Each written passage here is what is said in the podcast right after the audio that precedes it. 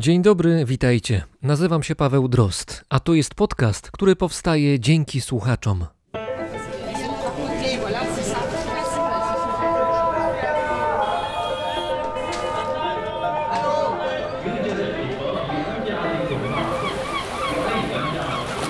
Brzmienie świata z lotu Drozda.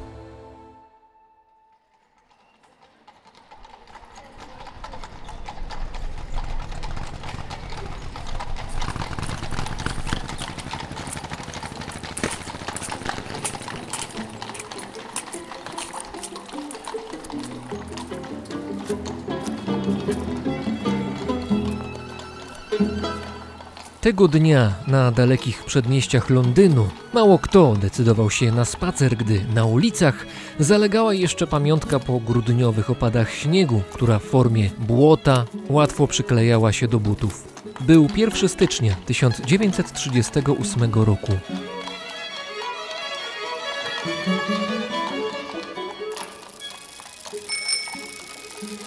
Ci nieliczni, którzy byli wtedy na zewnątrz, mogli dostrzec rowerzystę, który pochylony nad kierownicą jechał na rowerze. Jego grube ubranie sprawiało, że jedynie garstka z nich rozpoznała w rowerzyście rowerzystkę. Była nią sekretarka wyspecjalizowana w obsłudze maszyn do pisania, Billy Dowey. Kilka lat później świat zapamięta ją jako Billy Flaming. Jechała na wysokiej jakości rowerze szosowym. Solidna, stalowa rama oraz trzy przełożenia łańcucha sprawiały, że jazda odbywała się sprawnie. Ten właśnie rower miał być kompanem Billy Dowey przez następne 365 dni.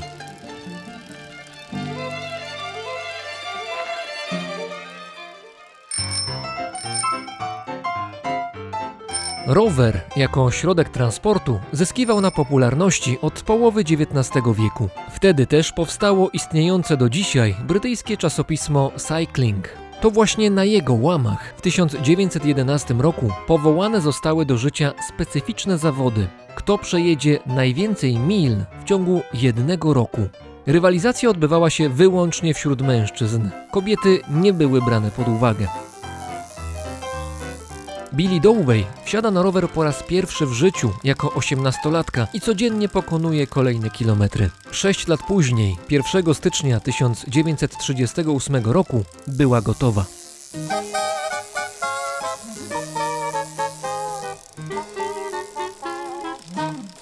Trakcie ustanawiania rekordu średnio pokonywała 130 km na dobę, ale dystans zależał od pogody. W słoneczne, ciepłe dni możliwe były przejazdy nawet do 300 km dziennie. By jej wyniki były uznane przez czasopismo Cycling, Billy Dowey używała mechanicznego licznika rowerowego. Dodatkowo w odwiedzanych przez siebie miejscach na specjalnych kartach zbierała podpisy od ludzi, którzy pełnili rolę świadków jej podróży.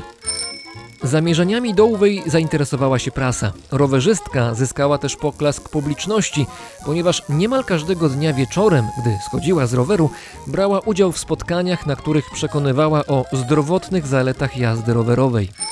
Jechała sama. Ze sobą na rowerze miała wyłącznie niewielki zapas ubrań oraz narzędzia, a stołowała się w napotkanych po drodze barach i restauracjach.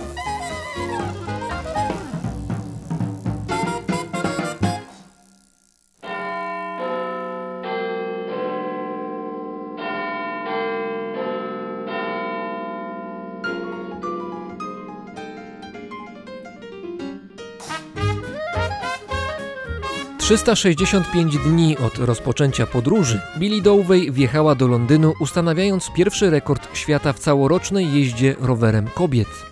Przejechała 47 642,5 km. W tym czasie jej rower nie uległ ani jednej awarii i tylko raz trzeba było zająć się przebitą dętką. Po ustanowieniu rekordu Dowey zapisała się w historii tym razem w jeździe na popularnym, wówczas trzykołowym tricyklu.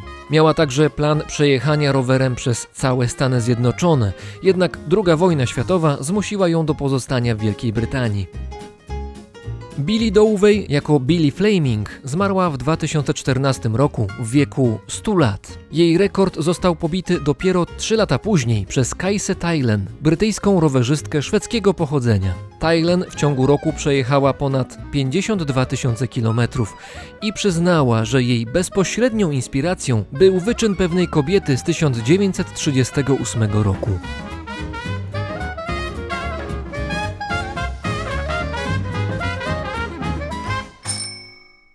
Kiedy pojawia się pomysł, by ruszyć przed siebie? Jakie stoją za nim motywacje? Jak zmieniają się w miarę upływu czasu i czym smakuje podróż solo w pojedynkę?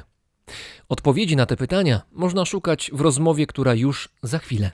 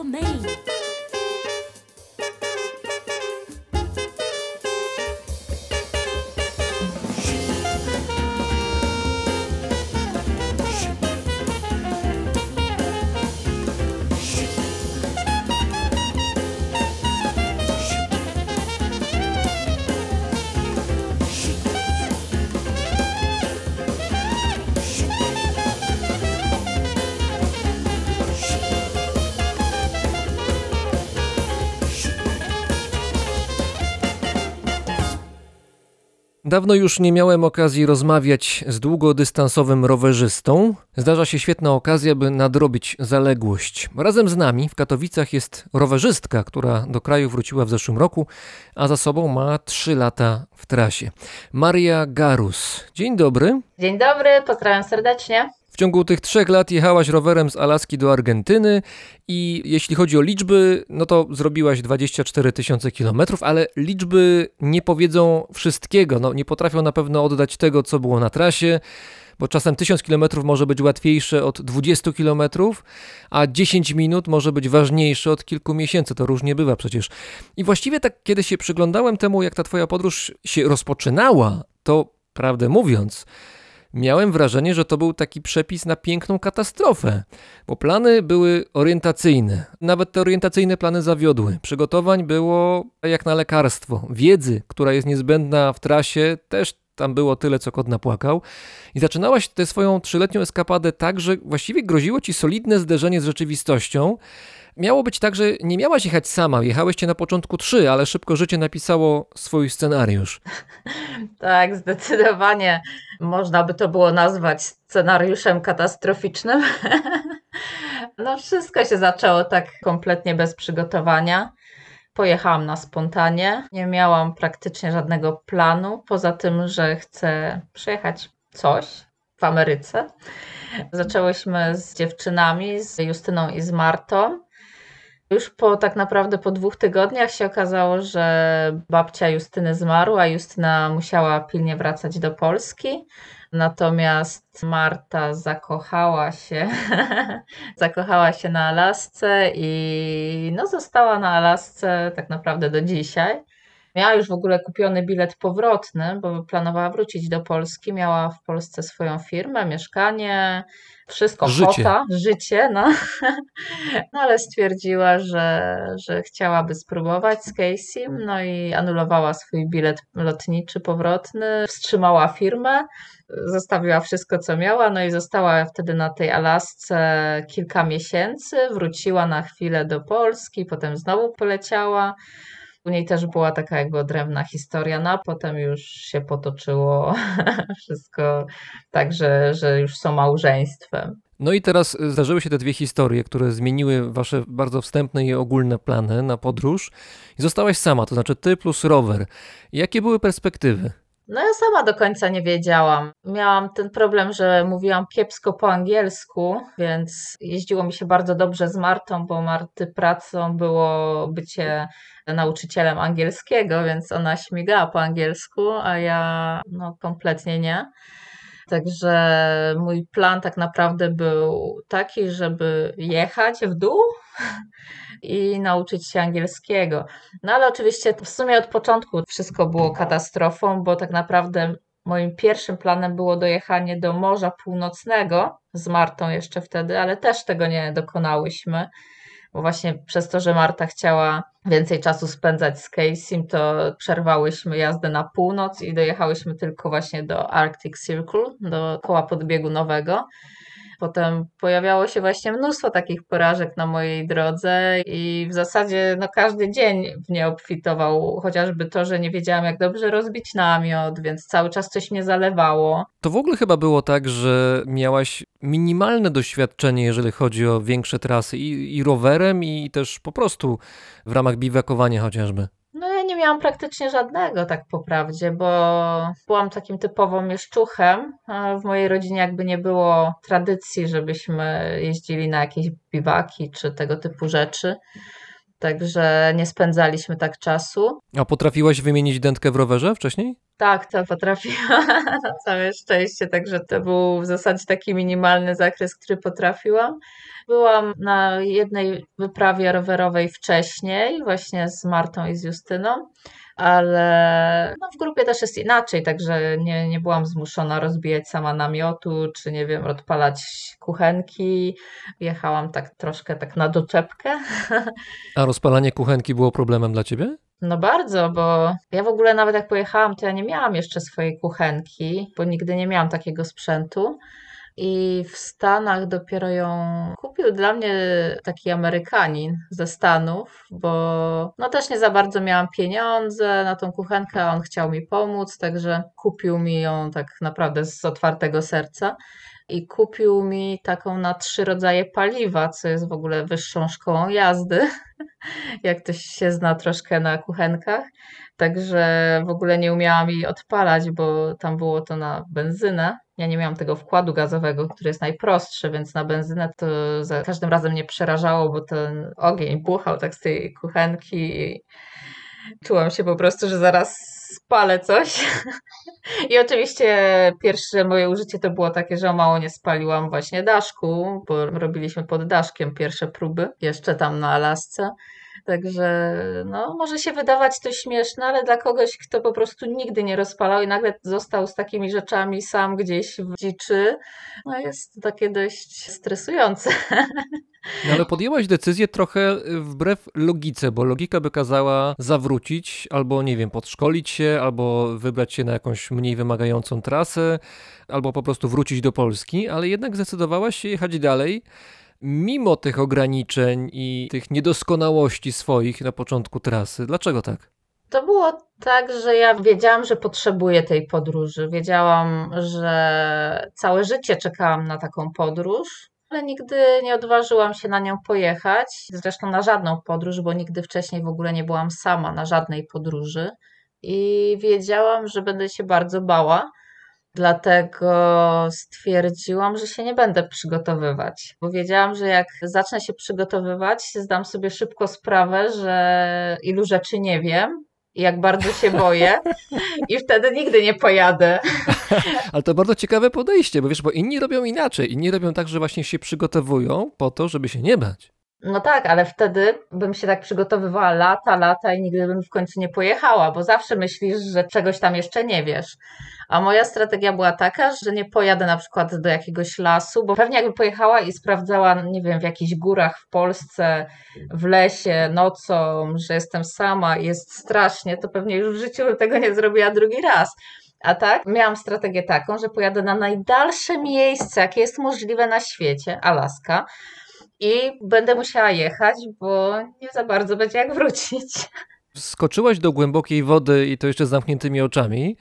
A czy w ramach tego skakiwania i tego, co się działo z tobą, kiedy już byłaś sama w trakcie podróży, czy brałaś pod uwagę to, że to się może nie udać, że ten eksperyment się nie uda, że jednak przesadziłaś i to, z czym się musisz zmierzyć, może jest za duże na ciebie? Hmm, myślę, że tak myślałam każdego dnia. Generalnie tak, dlatego wybrałam tak daleką destynację, żeby nawet wszystkie moje wątpliwości mnie nie zatrzymywały. A dodatkowo to, że się nie zna języka angielskiego, powoduje, że bardzo trudno jest kupić sobie bilet lotniczy. dlatego, dlatego stwierdziłam, że muszę po prostu jechać, aż kiedyś pewnego dnia nauczę się angielskiego i będę w stanie sobie kupić ten bilet. No, ale jak już też ten czas mijał, no to też z czasem ja się coraz bardziej pewnie zaczęłam czuć z rzeczami, które robię, więc już coraz rzadziej zalewała mnie woda w namiocie działała kuchenka, nawet nauczyłam się rozpalać ognisko. Sobie zaczęłam radzić i też ten poziom stresu powoli, powoli opadał. Aczkolwiek no, na początku było bardzo ciężko, bo rzeczy typu rozpalanie właśnie ognia, czy takie podstawowe rzeczy, to były w miarę proste w porównaniu z rzeczami typu zasypianie w środku puszczy na Alasce, gdzie słyszy się wilki cały czas wyjące. Wszystko do ciebie mówi, a ty masz wrażenie, że te wszystkie głosy mówią to, że o, zaraz sobie zrobimy z Marii posiłek. No właśnie, więc to było najgorsze, muszę przyznać. Na to w ogóle nie byłam przygotowana i miałam taką strategię na początku, żeby się zażynać, żeby się zażynać tak bardzo, W znaczeniu męczyć, tak? tak, zażynać fizycznie. Tak bardzo, że potem już wieczorami, a w zasadzie no, na początku to jeszcze nie były wieczory, no bo tam był dzień polarny, więc bardzo rzadko w ogóle przychodziły wieczory. No ale że po prostu jak już byłam tak padnięta, że już nie byłam w stanie jeździć, to wtedy się rozbijałam i, i wtedy już, już nawet miałam takie myśli, niech nawet przyjdzie, coś mnie zje, już nie będę musiała jechać następnego dnia dalej. I to muszę przyznać, że to była naprawdę dobra strategia i polecam ją wszystkim, jakby ktoś planował taki szalony wypad, bo to powoduje jednak, że troszkę ten poziom strachu opada. Ale wiesz, wyobrażam sobie, że musiałaś się czuć na początku, szczególnie wtedy, kiedy się dopiero wdrażałaś w tę rutynę podróżowania samotnego rowerem po też często bezludnych czy mało zaludnionych terenach, musiałaś się czuć naprawdę samotnie. No chociażby to, że no, nie tylko nie było człowieka dookoła, z którym podróżowałaś, to jest oczywiste w tym momencie, ale no, jeżeli miałaś też problemy językowe, to ta samotność musiała być podwójnie duża. No to było bardzo, bardzo trudne doświadczenie i tak z perspektywy czasu myślę, że to chyba jest generalnie najtrudniejsze doświadczenie właśnie nauczenie się bycia samym ze sobą, no zaakceptowanie tego, a z czasem nawet pokochanie, bo teraz mogę powiedzieć, że, że no jest to jakby część mnie i bardzo lubię ten czas sama ze sobą. No, ale na początku to było bardzo trudne, ale też miało swoje plusy, bo jakby zmuszało mnie do tego, żeby wyjść ze swojej strefy komfortu. Ja miałam zawsze problemy z kontaktami z ludźmi. Byłam raczej taką nieśmiałą osobą. Rzadko też inicjowałam kontakty z innymi ludźmi, a już po angielsku to już w ogóle. No, a w związku z tą sytuacją, że byłam sama i na początku bardzo mi doskwierała samotność, to mimo, że nie chciałam i nie czułam się pewnie i w ogóle bałam się, ale no, ta potrzeba pogadania z kimkolwiek, w jakikolwiek sposób była tak przemożna, że no już zaczęłam potem podchodzić do ludzi, podjeżdżać i tam zagadywać, jakieś takie podstawowe rzeczy. Nawet jak wiedziałam, gdzie mam jechać, to pytałam o drogę. Tylko po to, żeby raz, że ludzie lubią pomagać, więc oni się czuli fajnie, że mi pomagają. Dwa, sobie szlifowałam angielski i też właśnie ten społeczny aspekt też był fajny, więc w sumie to się okazało naprawdę ciekawym doświadczeniem. Ale to trochę taka strategia spalonych mostów, prawda? To znaczy, nie mogłaś się wycofać za bardzo. To znaczy, mogłabyś ewentualnie wycofać się zupełnie. Była taka opcja. Ale ona byłaby też takim przyznaniem się, że to się nie udało, a jak rozumiem, nie chciałaś do tego doprowadzić. Tak, dokładnie taka strategia to była moja od samego początku praktycznie, dlatego też rzuciłam pracę, bo gdybym powiedziała na przykład mojej pracy, że chcę roczny urlop bezpłatny, to pewnie bym go dostała. Potem może bym nawet mogła go przedłużyć. Pracowałam na uczelni wyższej, więc pewnie dałoby się to jakoś załatwić. Miałam tam umowę na czas nieokreślony, także pewnie by mi poszli na rękę. No ale wiedziałam, że jak będę miała ten czas, no to też nie będę tak całkowicie tam i że będę odliczała dni, kiedy mam wrócić, bo się na przykład będę bała. A tak to wiedziałam, że po prostu klamka zapadła. Wszystkim powiedziałam, że jadę zdobywać Amerykę. Także nie mogłam wrócić, mimo że chciałam już wrócić po tygodniu bycia samej na Alasce. Wszystko w środku mówiło: Matko, kochana Maryśka, co ty robisz? Wracaj, wracaj do Polski. Najwyżej będą się z ciebie śmiali, no ale potem właśnie ego się odzywało: No nie, no jak tak wrócisz, rzuciłaś pracę, no to to będzie bez sensu, że rzuciłaś tę pracę i co teraz pójdziesz z podkulonym ogonem prosić, żeby cię jeszcze raz przyjęli jednak. Także stwierdziłam, że nie. Zresztą miałam plan, cokolwiek by się nie stało, przynajmniej może nie dojadę daleko, ale nauczę się angielskiego i taki był mój jakby cel, więc stwierdziłam, że no nie ma co, trzeba jechać. No i jechałam. Powiedziałaś wcześniej, że jakoś tej podróży potrzebowałaś. Tak nie do końca pewnie wiedziałaś, jak ona ma wyglądać. Potem się dopiero okazało, jak ona wygląda w praktyce. Ale z czego ta potrzeba wynikała? To jest tak, że szukałaś czegoś nowego, jakiejś zmiany? W sumie nie wiem tak chyba jeszcze do końca dlaczego. Wydaje mi się, że ona zawsze była we mnie. Odkąd pamiętam, marzyłam o podróżach. Ale jednocześnie nie podróżowałaś za bardzo. Znaczy, nie, Nigdy. jak mówisz, byłaś mieszczuchem trochę i to właśnie ognisko było wyzwaniem, jak się potem okazało, ale jednak to marzenie się jakoś pojawiało. No, marzenie się pojawiało tak naprawdę od dziecka i nawet jak mówiłam tam w rodzinie, że kiedyś będę podróżować, no ale tak się moje życie potoczyło, że, że nigdy nie miałam ku temu okazji, ale tak naprawdę no, nigdy nie miałam odwagi, żeby to zrobić, także popełniałam w sumie chyba wszystkie błędy, jakie można popełnić, czyli zaraz po ukończeniu szkoły, uczelni weszłam w związek, potem następny, następny i to tak powodowało, że w sumie no nigdy jakby tak nie było ku temu okazji. Nigdy nie byłam sama po prostu w życiu. Dlatego jakby nigdy nie podróżowałam sama, bo wydawało mi się, że wtedy już się nie podróżuje samemu. I dlatego to tak chyba wyszło. No ale, ale miałam taką chęć, żeby ruszyć i eksplorować to pole we mnie, które mówiło właśnie, że powinnam zrobić taką podróż, aczkolwiek nigdy nie pomyślałabym, że na rowerze. To mi w życiu nie przyszło do głowy. Bo ty nie byłaś jakąś szczególną rowerzystką, to znaczy jeździłaś owszem, ale to no, trudno powiedzieć, że byłaś długodystansową rowerzystką albo że jakoś to wyczynowo traktowałaś i miałaś to we krwi, żeby rowerem jeździć po trudnych trasach. No kompletnie nie. Tak naprawdę to ja, no nawet dzisiaj bym się nie nazwała tak naprawdę rowerzystką. Jeśli myślę o sobie, to raczej chyba o podróżniczce. Dla mnie rower jest po prostu narzędziem. Nie jest celem, żeby jechać gdzieś na rowerze, aczkolwiek oczywiście uwielbiam. Wybrałam rower dlatego, że był jakby najtańszym środkiem transportu i wiedziałam, że nie mam za dużo pieniędzy na tą podróż, a czułam, że powinna być długa. I wydawało mi się, że muszę mieć jak najwięcej właśnie pieniędzy zaoszczędzonych, żeby jak najdłużej być w stanie podróżować. I dlatego wybrałam rower, bo tak naprawdę można wrzucić na pakę wszystkie rzeczy i jechać gdzie się chce z tymi rzeczami. Mogę przetransportować dużo jedzenia, taniego w puszkach, czy tam, nie wiem, jakiegoś ryżu. No ale też rower ma czasami wady takie o to, że przed niedźwiedziem się trudno ucieka. Tego kompletnie nie przewidziałam. Ja w ogóle tak nie, nie myślałam o niebezpieczeństwach na początku. Spotkanie niedźwiedzia w Kanadzie to już było tak naprawdę. No pierwsze spotkałam na Alasce, ale to było w oddali. Ale pierwszy raz, kiedy spotkałam naprawdę tak niedźwiedzia, można rzec twarzą w twarz niemalże, to była Kanada w Yukonie. I to no, trochę wstrząsnęło mną przez dłuższy potem czas.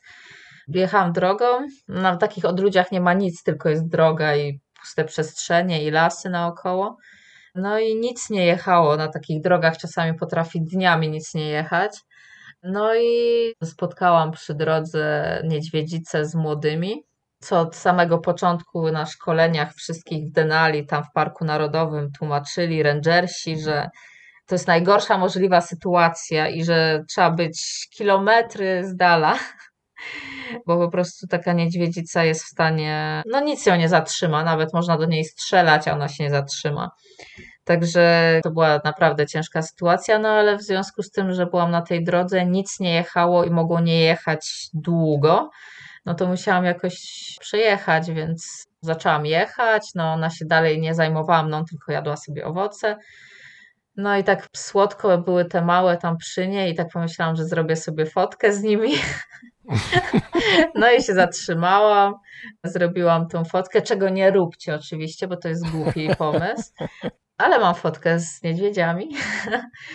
Ale ona właśnie zaczęła, nagle wtedy zobaczyłam, że zaczyna węszyć i, wtedy szybko uciekałam już na tym rowerze. No ale tak po prawdzie pewnie jakby czuła się zagrożona, to dopadłaby mnie w 5 sekund. Ale chyba nad głuptasami ktoś tam czuwa, także nic się nie stało. Ale to był naprawdę ciężki dzień, bo zaraz tego samego też dnia, jak rozbiłam obóz, co zajęło mi bardzo dużo czasu, bo tego dnia po tym, że, że zobaczyłam te niedźwiedzie tak blisko, bałam się rozbijać obóz i jechałam jak tylko długo potrafiłam. No ale w końcu już musiałam przestać, znalazłam jakieś miejsce, rozbiłam się i nocą przyszły kojoty do mnie. Grupa kojotów otoczyła mi namiot i tak stały przy mnie kilka godzin. No to też wyszłam z namiotu, popatrzyłam na nie i zrobiłam zdjęcie. E, To no, już tradycja. ale ruszyłam, ręka mi się trzęsła.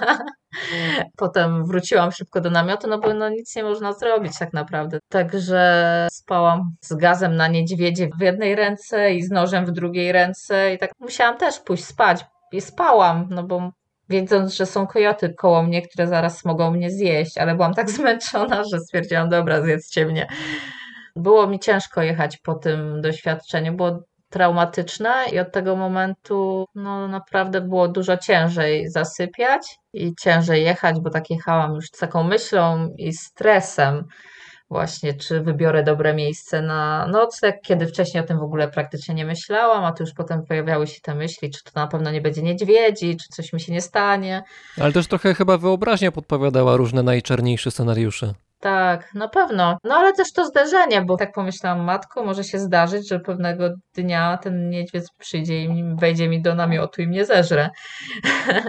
bo to tak na początku po tym zdarzeniu było, potem już znowu przyzwyczajałam się do tej myśli, że no te zwierzęta są koło mnie i trzeba to zaakceptować.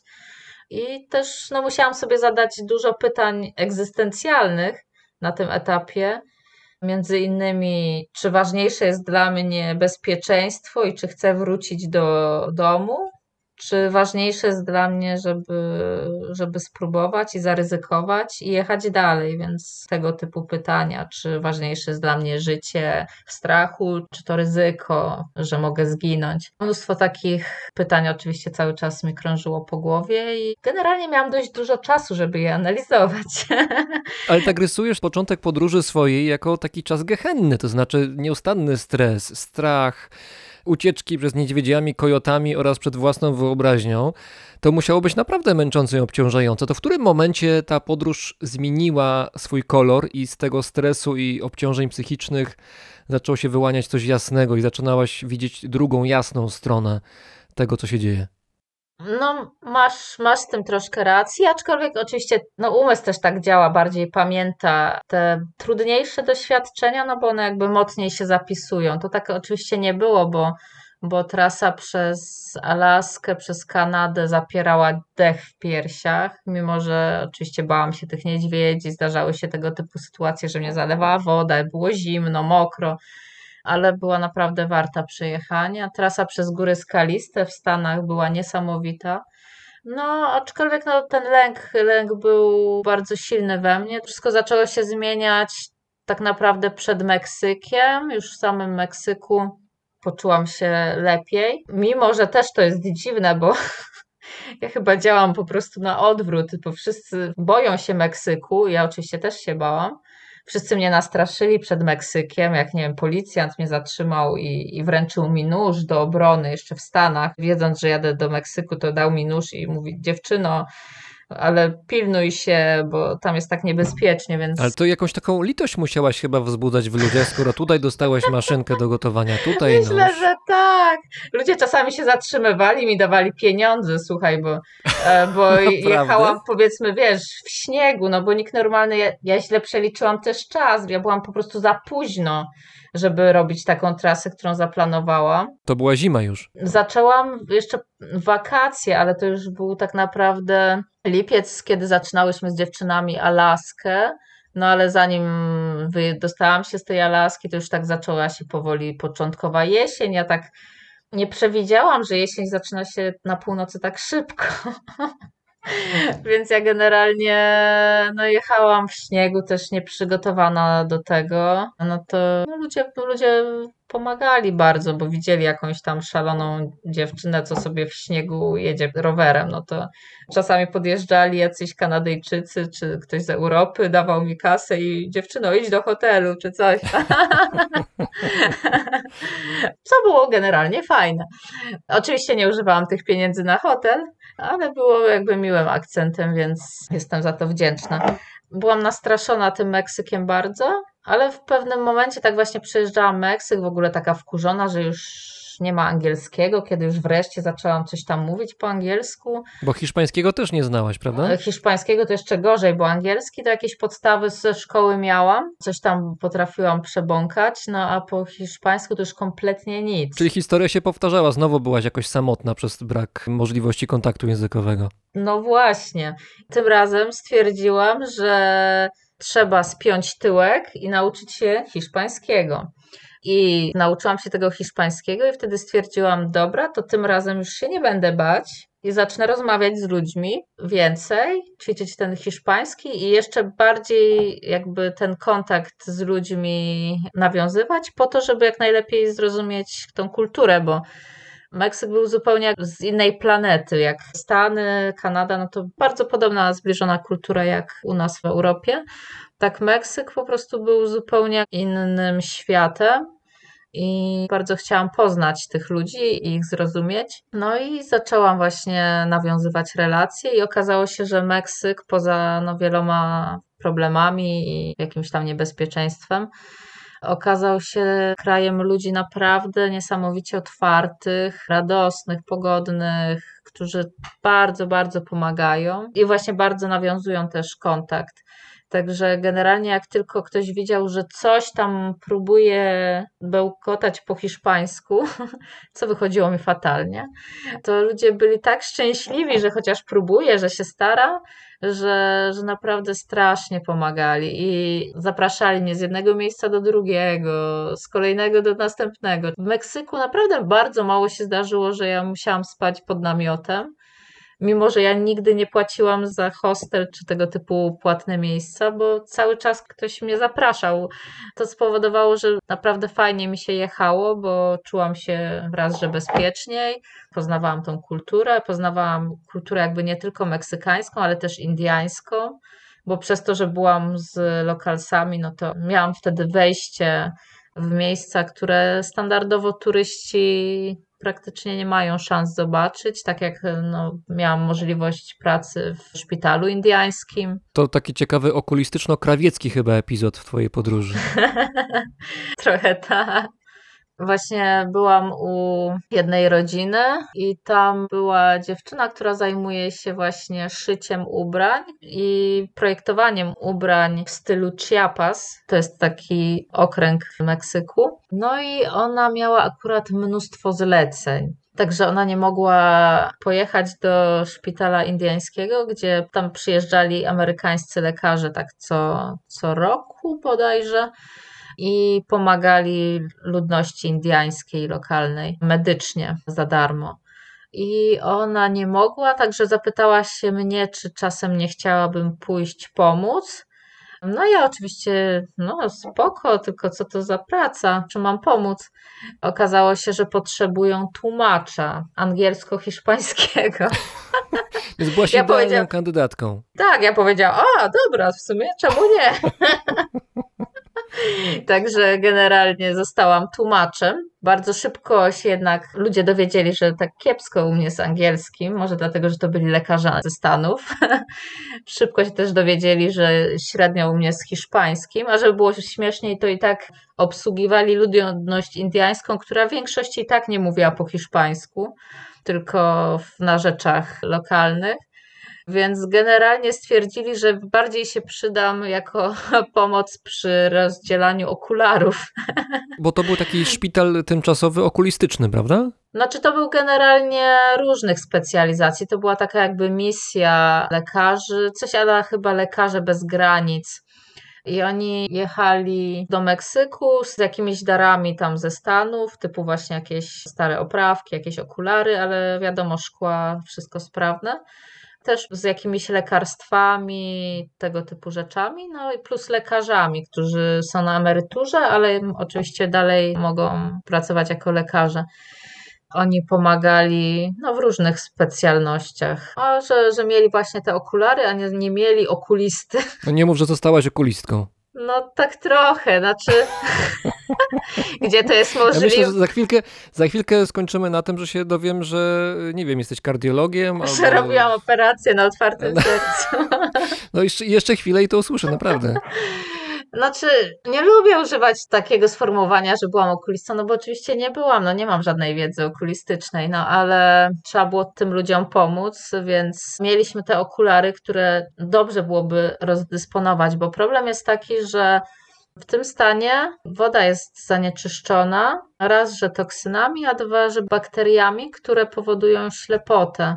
Jest to bardzo powszechne wśród tamtych plemion. Niedawno w jednym z odcinków mojego podcastu była mowa o tym, że są właśnie takie miejsca w Meksyku, gdzie woda jest tak złej jakości, że jedynym sposobem, żeby mieć na co dzień jakiś płyn do picia, którym się człowiek może nawodnić, jest kupowanie Coca-Coli. Więc no tutaj ewidentnie twój przykład świadczy o tym, że rzeczywiście tak może być. Tak jest. Jest bardzo duży problem z zanieczyszczeniami chemicznymi przemysłu ciężkiego, ale z drugiej strony jest też problem właśnie z bakteriami, które jakby są tam endemiczne.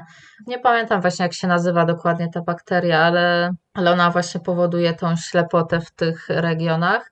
No a przez to, że nie ma tam w ogóle żadnej infrastruktury transportu wody, bardzo mało oczyszczalni, ewentualnie w dużych miastach, no to te indyjskie wioski małe gdzieś tam na wzgórzach, no to one są tak naprawdę odcięte od czystej, dobrej jakości wody. I faktycznie oni tonami piją Coca-Colę, zwłaszcza w stanie Chiapas, ale generalnie Meksyk. W tamtych regionach też używa się Coca-Coli jako napoju w rytuałach specjalnych, które widziałam i faktycznie mają Coca-Colę. Ale wróćmy teraz do twojej kariery okulistki. No więc w związku z tym, że jest tak duży problem ze wzrokiem, a drugim problemem jest taki, że w tym stanie nie ma za bardzo pracy, a już kompletnie dla kobiet, to kobiety zwykle zarabiają, jeśli już zarabiają, to szyciem. No i do szycia bardzo potrzebny jest wzrok. Więc generalnie jak kobieta traci wzrok, no to bardzo spada jakość życia rodziny. Dlatego też no, wydanie tych okularów było tak ważne, więc opracowaliśmy taki system, no bo oczywiście nie mieliśmy żadnych maszyn, takich jak my mamy w Europie, żeby sprawdzić, jaką ktoś ma wadę wzroku. To w ogóle jest nie, nie do pomyślenia, żeby zrobić w takim miejscu. Także myśmy próbowali to zrobić tablicami, takie jak się u nas też patrzy z literkami. Tak, proszę zasłonić lewe oko, proszę zasłonić prawe, co pan Tylko, widzi, co że wbrew widzi. pozorom to też nie jest takie proste w, w wiosce indyjskiej w Meksyku, bo zwłaszcza kobiety, ale też znaczna część mężczyzn jest kompletnie niepiśmienna. A to chyba widziałem na jednym z twoich zdjęć rzeczywiście taką tablicę, gdzie normalnie no w Polsce na przykład byłyby polskie litery od największych do najmniejszych, a tam nie były litery, tylko był jakiś taki rodzaj symbolu, który był ustawiony pod różnymi kątami. Tak, no bo to jest naprawdę tam duży problem. Teraz już młodsze pokolenie jest w miarę piśmienne, ale, ale starsze, no a zwłaszcza kobiety, praktycznie 90% starszych kobiet było niepiśmiennych. Także generalnie skupiliśmy się na innym teście, bo jeszcze sprawdzało się też na Biblii, ale to był ten sam problem. Także mieliśmy test za pomocą igły i nitki, który okazał się w ogóle strzałem w dziesiątkę, że trzeba było przewlec nitkę przez igłę, przez oczko i sprawdzaliśmy po prostu tak długo. Okulary wada po wadzie, powiedzmy tutaj plus dwa, plus półtorej, plus jeden i tak szliśmy w jedną, w drugą stronę, tak naprawdę po omacku, żeby znaleźć taki rodzaj szkła, który pomagał zobaczyć tą dziurkę i nawlec tą nitkę na tą igłę. No bo to do tego tak naprawdę potrzebowały de facto te kobiety, głównie kobiety właśnie tych okularów. Jakie tempo obrałaś dla całej trasy swojej, którą przemierzałaś? Czy zależało ci na tym, żeby dojechać jak najdalej na południe? Czy planu w ogóle nie było? Czy zakładałaś, że świadomie będziesz sobie robić takie dłuższe przystanki, jak ten chociażby w tym ośrodku okulistycznym? Jak to było? Znaczy, generalnie ja nie miałam za bardzo żadnych planów. Na początku, przez to, że tak się bałam i faktycznie ciężko mi się jechało, bo to jednak było dość stresujące, to tak myślałam po prostu, żeby dojechać do Meksyku. A na początku właśnie, żeby dojechać do Kanady. W Kanadzie mówiłam, żeby tylko jeszcze dojechać do Stanów. W Stanach zaczęłam, ach, żeby tylko dojechać do Meksyku i przekroczyć granicę. Tak naprawdę w Meksyku dopiero pierwszy raz tak przyszła mi do głowy myśl, że może by mi się udało dojechać do Ushuaia. I tak zaczęłam sobie oczami wyobraźni widzieć się na mecie ze znakiem, z tą tabliczką Ushuai. Ushuaia, czyli najdalej na południe wysunięte miasto Ameryki Południowej. Taki miałam plan. I jechałam, ale miałam taką zasadę, że nie, nie sprawdzałam wcześniej żadnego kraju. Także ja nie wiedziałam tak naprawdę, gdzie ja będę jechać.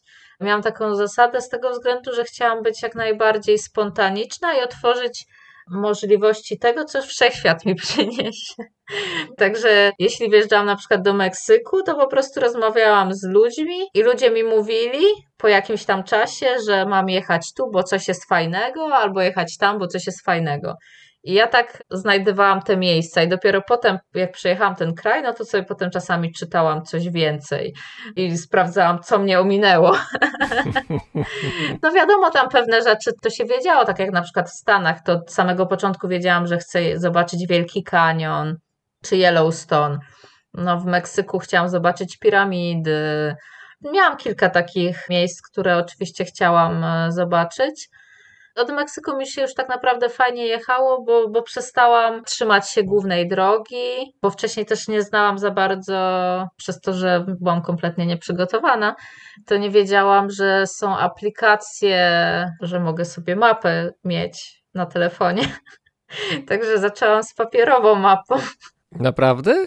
No. Ale to wiesz, że XXI wiek już No nastąpił ja, jakiś czas temu? ja wiem, ale ja nigdy nie używałam takich rzeczy, więc W y, takim razie w naprawdę przyspieszonym tempie musiałaś przejść całą drogę taką edukacyjną, która właściwie jest niezbędna do tego, żeby na taką trasę się porywać. trochę tak można powiedzieć. Naprawdę, bo mapę pierwszą to w ogóle miałam z Polski, to było Alaski. W ogóle się okazało idiotycznym pomysłem, bo było mnóstwo miast widm. Także w ogóle nie polecam tego, żeby mieć mapę. Ale jak to miasto? Znaczy, były na mapie, a nie było ich w rzeczywistości? Tak. Normalna mapa Alaski. Normalna taka papierowa. Alaska Harry Potter. No, coś w tym stylu. I to było naprawdę niesamowite, bo po prostu jechało się gdzieś i się oczekiwało, że się kupi jedzenie, a tam nikt nie mieszkał. To było zabawne doświadczenie. Potem jechałam na mapach z Visitor Center. Także w ogóle one były za darmo w każdym regionie. To jest takie schronisko jakby turystyczne w Stanach czy tam w Kanadzie i oni tam mieli mapy za darmo, więc brałam te mapy i jechałam z tymi darmowymi mapami. Dla mnie po prostu mapa papierowa była prostsza. I od Meksyku właśnie odkryłam, e, inni rowerzyści mi powiedzieli, że oni używają właśnie jakichś aplikacji nawigacyjnych, no i od Meksyku też zaczęłam używać, co było dla mnie po prostu rewolucją, bo w Meksyku po prostu znienawidziłam jeżdżenie na mapach, bo meksykańskie mapy są najgorszymi możliwymi mapami. Te papierowe? Tak, one jakby obejmowały tylko bardzo główne drogi, a ja nie chciałam jeździć takimi głównymi drogami, więc potem jak odkryłam te aplikacje, no to robiłam kolejną głupotę, czyli wbijałam sobie jakieś miejsce, gdzie chcę dojechać i dawałam opcję trasy rowerowej. I to w Meksyku jest świetną przygodą samą w sobie, polecam wszystkim spowoduje, że będziesz jechał przez miejsca, których ludzie nie widzieli rowerzysty nigdy, nie widzieli rowerzystki na rowerze nigdy, których historia się zatrzymała, myślę, na jakimś XIII wieku. To była niesamowita przygoda. Czasami po prostu mina ludzi była bezcenna, jak wyjeżdżałam z jakiegoś lasu, prowadząc rower, bo oczywiście nie dało się tam jechać, bo taka trasa rowerowa, że, że to po prostu były trasy piesze tak naprawdę, więc przez jakieś góry przechodziłam, wlokłam ten rower i wychodziłam potem z jakiegoś lasu, ludzie na mnie patrzyli, że skąd się nagle jakaś laska na rowerze się znalazła u nich na wiosce, także to było naprawdę ciekawe doświadczenie. Ale dobrze było, że ten rower miałaś, bo w pewnym momencie w Ekwadorze rower straciłaś w takich no, dziwnych okolicznościach. No, Ekwador był, był ciekawym przystankiem w mojej podróży. Tam jechałam kawałek z niemiecką rowerzystką i jednego dnia się zdarzyło, że dojechałyśmy do takiego domku i tam facet nas zaprosił, żebyśmy tam spały. No tam, że za jakieś grosze mogłyśmy się tam przekimać na podłodze. No, ale jakoś tak miałyśmy przeczucie z Aniką, że, że coś tam tak nam nie gra. Tak się dużo pytał ten facet i, i w ogóle tak stwierdziłyśmy, że sobie pojedziemy, że jeszcze jest za wcześnie, żeby zostawać. Także zabrałyśmy manatki pojechałyśmy. I rozbiłyśmy się w też takim miejscu, w którym powinno być stuprocentowo bezpiecznie, bo droga była zamknięta przez roboty budowlane. W ogóle to była bardzo mała droga, także nawet tam nie było asfaltu, po prostu taki trakt.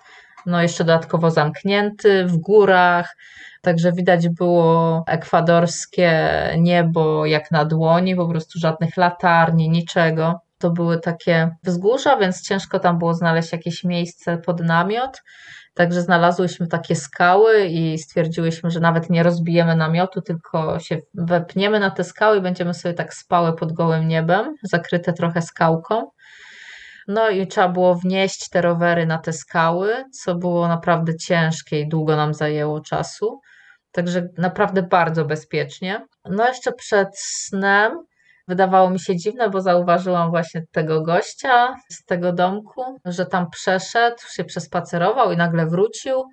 Dziwnie, ale niby nas nie widział. I co, rano się budzimy, a nie ma rowerów. W głowie zaraz mi się pojawiła myśl pierwsza, że to ten gość. No co, wróciłyśmy tam. Gość powiedział oczywiście, że to nie on. No i widać było ślady rowerów, ale nie było dokładnie widać, gdzie się kończą, więc tak naprawdę tylko widziałyśmy kierunek, że ktoś się wracał z tego samego miejsca, z którego przyjechałyśmy. Także nie miałyśmy żadnego dowodu, że to ten gość. Zresztą on powiedział, że tam był całą noc, także no, no nie byłyśmy pewne. I to w tym momencie wpadłyście na pomysł, żeby postawić na nogi cały kraj? Nawet nam jeszcze to do głowy wtedy nie przyszło. Wróciłyśmy do miasteczka, co jest bardzo ciężkie bez roweru, gdy masz sakwy. Na szczęście były te sakwy, bo, bo tam miałam w ogóle zdjęcia, aparat, tego typu rzeczy. No ale trzeba było wrócić do miasteczka, złożyłyśmy zawiadomienie na policję, zawieźli nas do głównego miasta, tam długa historia była, nie będę wchodzić. W każdym razie wszczęli postępowanie, że była jakaś kradzież. No, ale w tym samym czasie ja napisałam posta o tej kradzieży i ten post zaczął śmigać po kraju jak szalony. To gdzieś w mediach społecznościowych, tak? Tak, tak, wrzuciłam posta na Facebooku. A przez to, że no, bardzo dużo osób nie śledziło tam z Ameryki Łacińskiej, no to to po prostu zaczęło latać.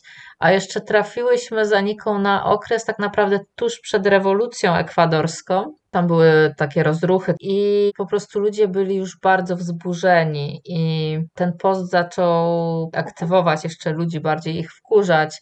No, ludzie coś tam zaczęli do mnie pisać, żebyśmy jechały do Quito, czyli do stolicy i Ale to jeszcze, jeszcze się upewnię, że to nie jest tak, że wywołałaś rewolucję w Ekwadorze, prawda? Nie, jeszcze byłam, zdążyłam przed tą rewolucją wyjechać, ale, ale ludzie już byli bardzo podburzeni i faktycznie były głosy, żebyśmy jechały do Quito i brały udział w demonstracjach, bo były w tym czasie. I nagle nasza sprawa zaczęła ruszać lawinowo, także prezydent miasta nas zaprosił do hotelu, także zapłacili nam ten hotel na czas właśnie całych poszukiwań zapłacili nam jedzenie, codziennie nas brali właśnie tam do jakiejś knajpki, żeby coś zjeść. Także generalnie się nam, nami naprawdę fajnie zajmowali. A prowadzący naszą sprawę potem nam opowiedział, że dostał telefon od głównego szefa policji całej ekwadorskiej i stanął po prostu na baczność, bo dostał właśnie telefon. Masz 48 godzin, żeby znaleźć te rowery. I co tam działa, powiem szczerze. Znaleźli w te 48 godzin, także przetrząsnął całą wioskę. Jeszcze w ogóle chyba najprawdopodobniej przez to, że to było tak nośne w kraju. Najprawdopodobniej, ja to teraz tak wszystko czytam, rząd chciał jakoś uspokoić nastroje indyjskiej części społeczeństwa. Bo mówimy o protestach w roku 2019, gdzie te rdzenne ludności Ekwadoru dosyć intensywnie brały udział w protestach. Tak, i to po prostu się idealnie złożyło w moim przypadku, bo zgodzono się, żeby nasza sprawa była rozpatrywana przed sądem indyjskim, co generalnie jest czymś naprawdę niesamowitym i się nie zdarza raczej w stosunku do turystów. To jeszcze powiedzmy, że tych sprawców y, złapano, to było dwóch mężczyzn. Tak, to był ten mężczyzna, który oferował nam wtedy ten nocleg wraz ze swoim kuzynem. Wioska ich znalazła i wydała. Byli przesłuchiwani przez sąd plemienny, tak samo jak i my. Także miałyśmy mowy przed tymi sądami. No a potem podjęty wyrok, także ci mężczyźni byli biczowani ortigą. To jest roślina w stylu pokrzywy. Widziałem nagrania twoje z tego procesu, bo on był dosyć głośny w miasteczku Salinas, tam gdzie to się, to się Mhm. wszystko odbywało. To nie ukrywam, że tak z zewnątrz to to wyglądało trochę na farsę. No, dwóch rosłych facetów okładanych jest jakimiś witkami i na końcu polewanych wodą. To tak troszkę wygląda, ale tam są dwa aspekty, bo najpierw oni są jakby karani przez starszyznę. Oni są zabierani nocą i w tym nie mogłyśmy, nie, mo, nie można było uczestniczyć. Czyli tam się coś działo jeszcze za zamkniętymi drzwiami. Tak, tak, to jest jakby pierwsza część. Oni co bodajże trzy godziny, czy co godzinę, nie pamiętam już teraz, byli zaprowadzani do lodowatej rzeki i tam polewani, zanurzani w tej wodzie, wcześniej też okładani tą pokrzywą. I tak przez całą noc. No, a potem jest właśnie ta część społeczna, co patrzy na to cała wioska. No i faktycznie, no tutaj chłopaki sobie polecieli. Znaczy, ten jeden był taki kozak maślak. No ale ja podejrzewam, że to jest raczej takie ratowanie troszkę swojej dumy osobistej, bo no to jest bardzo duża ujma na honorze całej rodziny. Tak jak rozmawiałam w tej wiosce z ludźmi, no to oni to tłumaczyli w ten sposób, że tak naprawdę oni będą mieli kłopot, żeby znaleźć sobie żonę, bo ta już rodzina jest jakby tak naznaczona. Czyli ta kara ma wymiar nie punktowy, tylko będzie się ciągnąć w czasie. Tak, to jest bardzo duża kara, co oni ponieśli. I ona jest dużo bardziej znacząca, dużo bardziej dotyka rodzinę, niż nawet jak oni by poszli do więzienia, tak naprawdę.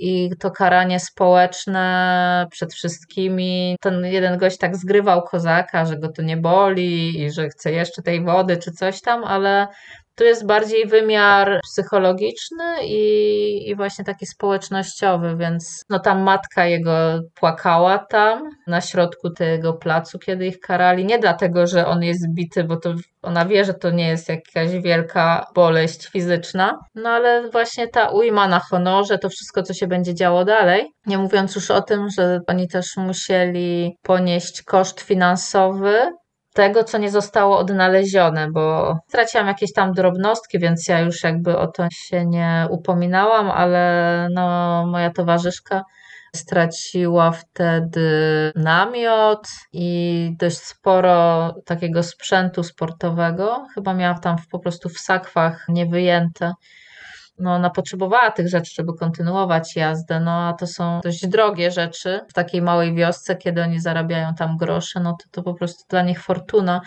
A problem jest taki, że to prawo indiańskie jest bardzo honorowe i że trzeba jakby wyrównać stratę, także podejrzewam, że no ich ta strata na rzecz Aniki bardzo mocno też nadszarpnęła finansowo. No plus cały wstyd na kraj, bo to było transmitowane w całym kraju. Tam normalnie była, była telewizja, także to nagrali, puszczali to. Nie zdziwiłbym się, gdyby było tak, że o tej całej sprawie dzieci się w Ekwadorze w szkołach będą uczyć za kilka lat.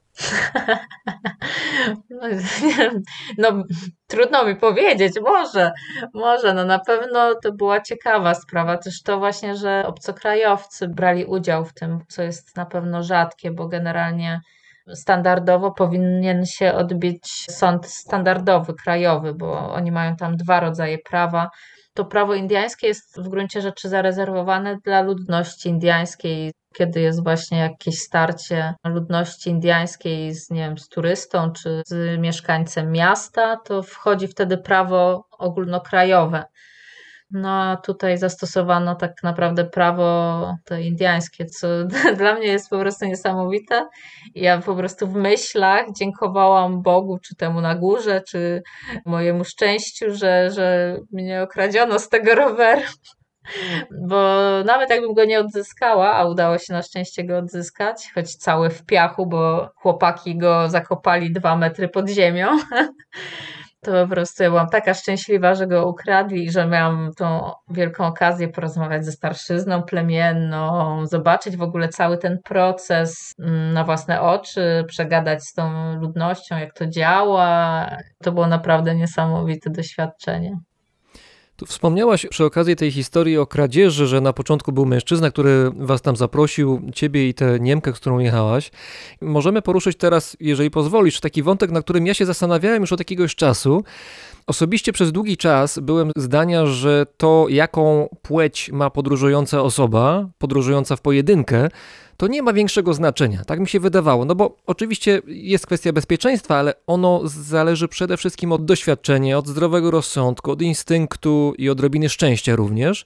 I tak uważałem, ale przyznaję, że musiałem zweryfikować swoją opinię po rozmowach z kilkoma kobietami, które podróżowały solo na dłuższych trasach niektóre z nich mówiły mi, i te historie się powtarzały, że musiały wielokrotnie odganiać się od obcych mężczyzn, którzy składali im niedwuznaczne propozycje. No i myślałem sobie, no, no dobrze, no czasami zdarzają się jacyś osobnicy, mężczyźni, których po prostu być nie powinno i rozumiem, że niestety, ale takie sytuacje czasami się mogą zdarzać. No ale właśnie te kobiety, z którymi rozmawiałem, mówiły, że to nie były wyjątki, tylko to były regularne przypadki. Czy doświadczałaś czegoś takiego na trasie podczas swojej samotnej podróży? No, niestety to jest bardzo trudny aspekt podróżowania i różni się kobiece podróżowanie od męskiego bardzo pod tym względem. Oczywiście z faceci, z którymi czasami rozmawiam, inni rowerzyści, to zawsze mnie wtedy wrzucają tekst w stylu, że nam przynajmniej to wszyscy chcą pomagać. I jest to naprawdę fajne, bo zgadzam się, dużo łatwiej też otrzymujemy pomoc jako solo podróżujące kobiety. Bo facet sobie poradzi, jest takie Tak, założenie. może. tak. A, a no, my mamy pod tym względem, trzeba przyznać, znacznie lepiej, że w Ameryce Łacińskiej, no to w domu jakby rządzi mężczyzna, jakby tradycyjnie, więc on też nie chce innego mężczyznę często w swoim domu.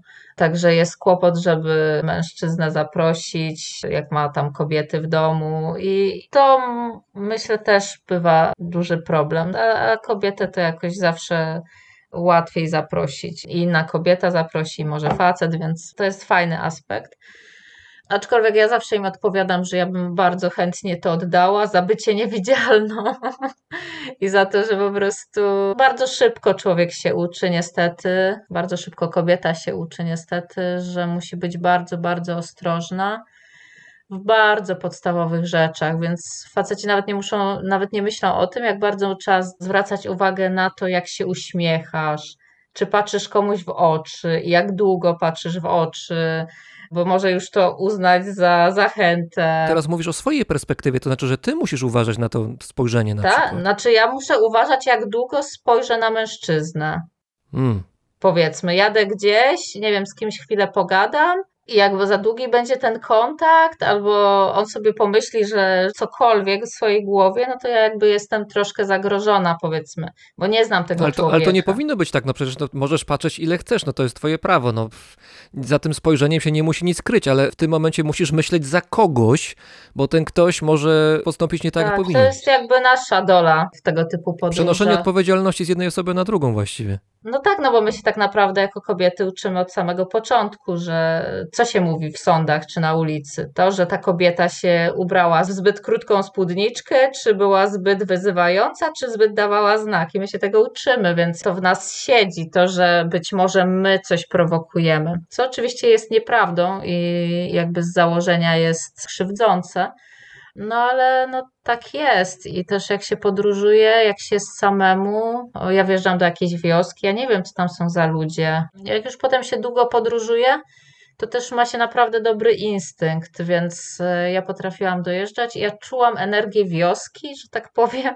Wiem, że to trochę dziwnie brzmi, ale takie rzeczy już się potem wyczuwa i energię ludzi. Być może dlatego myśmy miały takie po prostu przeczucie co do tego gościa, że coś z nim jest nie tak, bo, bo w zasadzie nie było żadnego takiego większego powodu, żeby mu nie ufać, ale coś, coś było nie tak. To już się potem dużo lepiej czuje i zauważa.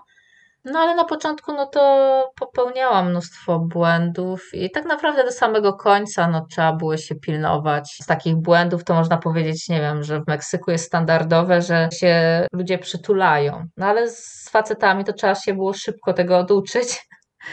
Bo to też bywało czasami tak, że, że się dziękuję komuś czy coś, tam się wita, a potem ręka mu zjeżdża. Mhm. I, i, I już sytuacja, no wiadomo, że, że no powiedzmy jakaś no mniej groźna, no bo nic tam strasznego się nie stało, ale to jest już coś, co może w konsekwencji doprowadzić do jakiejś sytuacji zagrożenia, czy no nie wiem, potrafiłam podejść do kogoś, do faceta, zapytać się go o drogę, a ten mnie, mi pokazywał miejsce i zapraszał na seks. Naprawdę, tak bezpośrednio. Tak totalnie, no, ja najnormalniejszą rzecz i patrzy na mnie i gdzieś tam próbuje zaciągnąć. Także to naprawdę nie jest fajne, no. Zdarzały się jakieś obsceniczne gesty, jak się przejeżdża.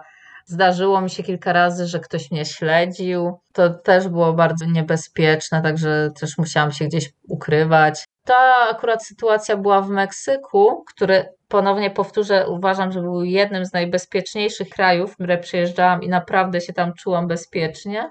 Ale na samym początku faktycznie to było bardzo dziwne, bo wszyscy mi mówili, że Baja California jest najbezpieczniejszym miejscem w Meksyku. A wszystkie jakieś takie najbardziej stresujące, no może nie wszystkie, ale, ale właśnie kilka miałam takich stresujących sytuacji właśnie w Baja California. I tam się właśnie tak zdarzyło, że, że facet po prostu. Ja, ja się zatrzymywałam przy jakichś punktach widokowych i on za każdym razem podjeżdżał pod ten sam punkt i, i mnie śledził.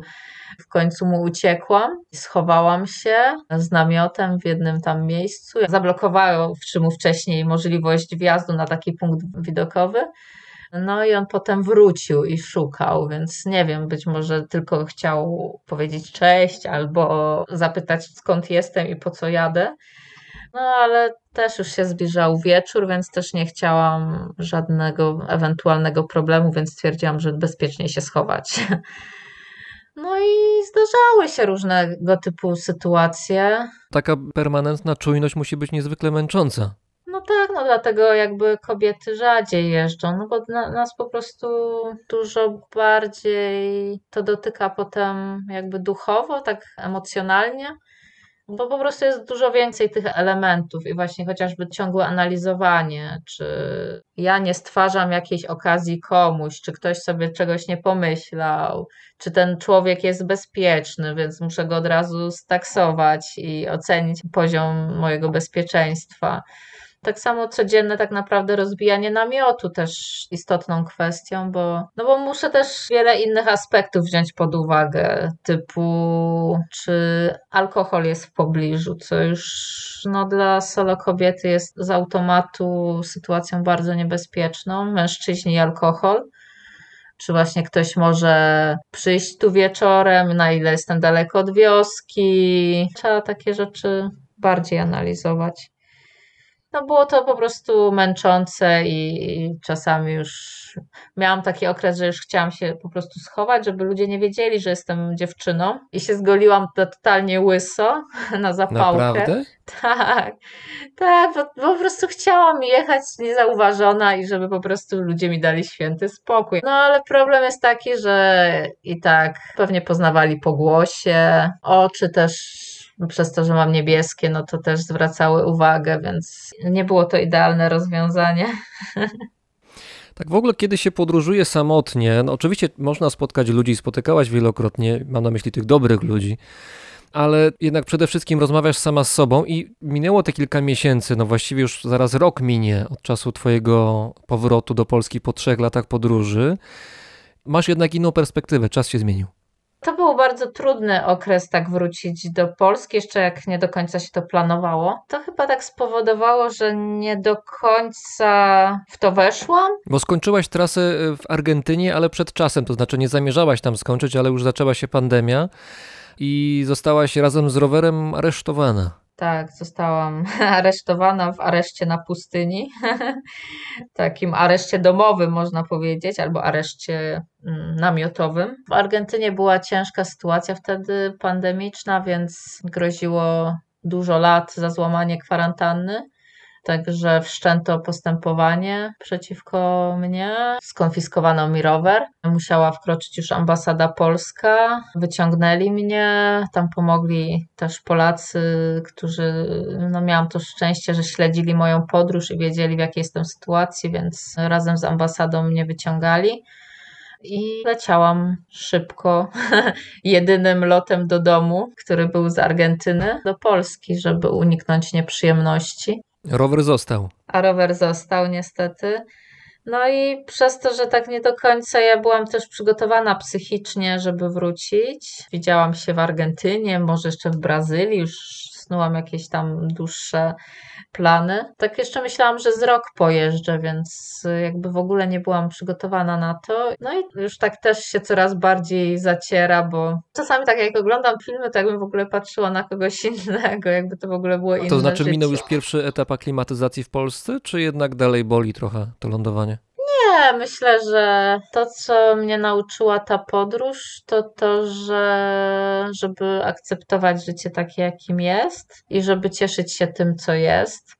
Wiadomo, że mam jakiś tam smutek, że nie udało się zdobyć tego końcowego odcinka, ale z drugiej strony też się cieszę, że, że to wszystko tak się skończyło. Moje zdrowie już też było tak naprawdę na granicy. Jak wróciłam, to zaczęłam mieć bardzo duże problemy z kręgosłupem, które tak naprawdę do dzisiaj leczę. Miałam zakaz w ogóle jazdy na rowerze. Zapłaciłam swoją cenę. To plus też dwie choroby wysokościowe, które zaliczyłam, w tym jedną z pobytem w szpitalu.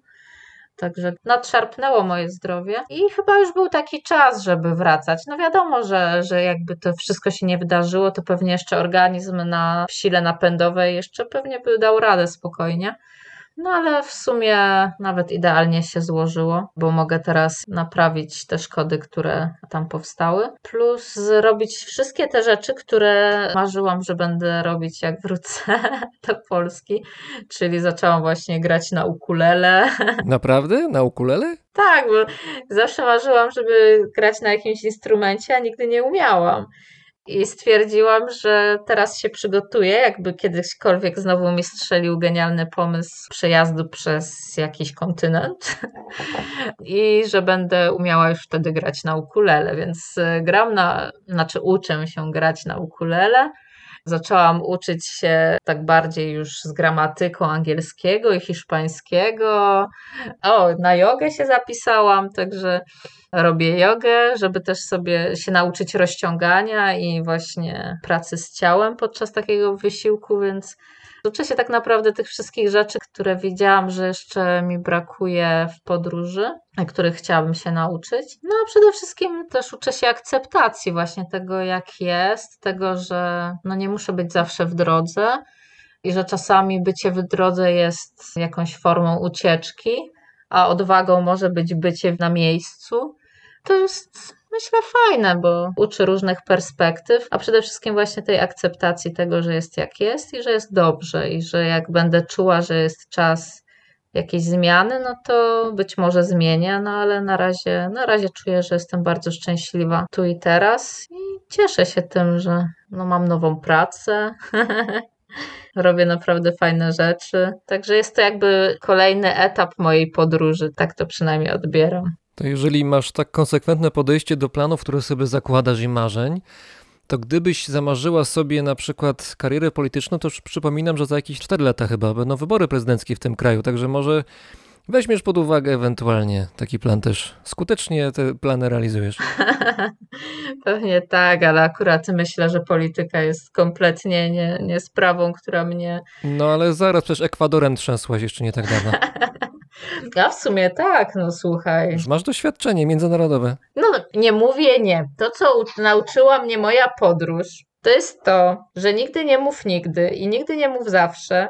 I że nigdy nie planuj. Razem z nami w Katowicach była rowerzystka, która rok temu wróciła z trzyletniej podróży przez obie Ameryki. Maria Garus była z nami. Dzięki. Dziękuję bardzo, pozdrawiam, pa!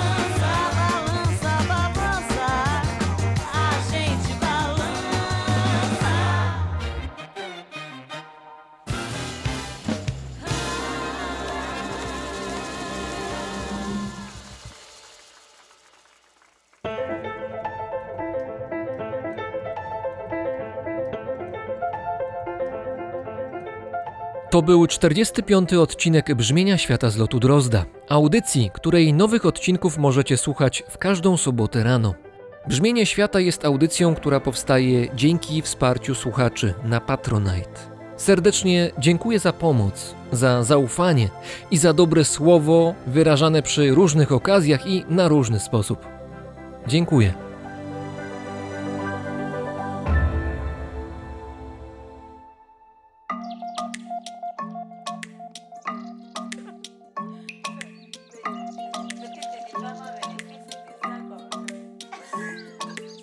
Paweł Drozd, czyli ja mówi Wam dobrego dnia.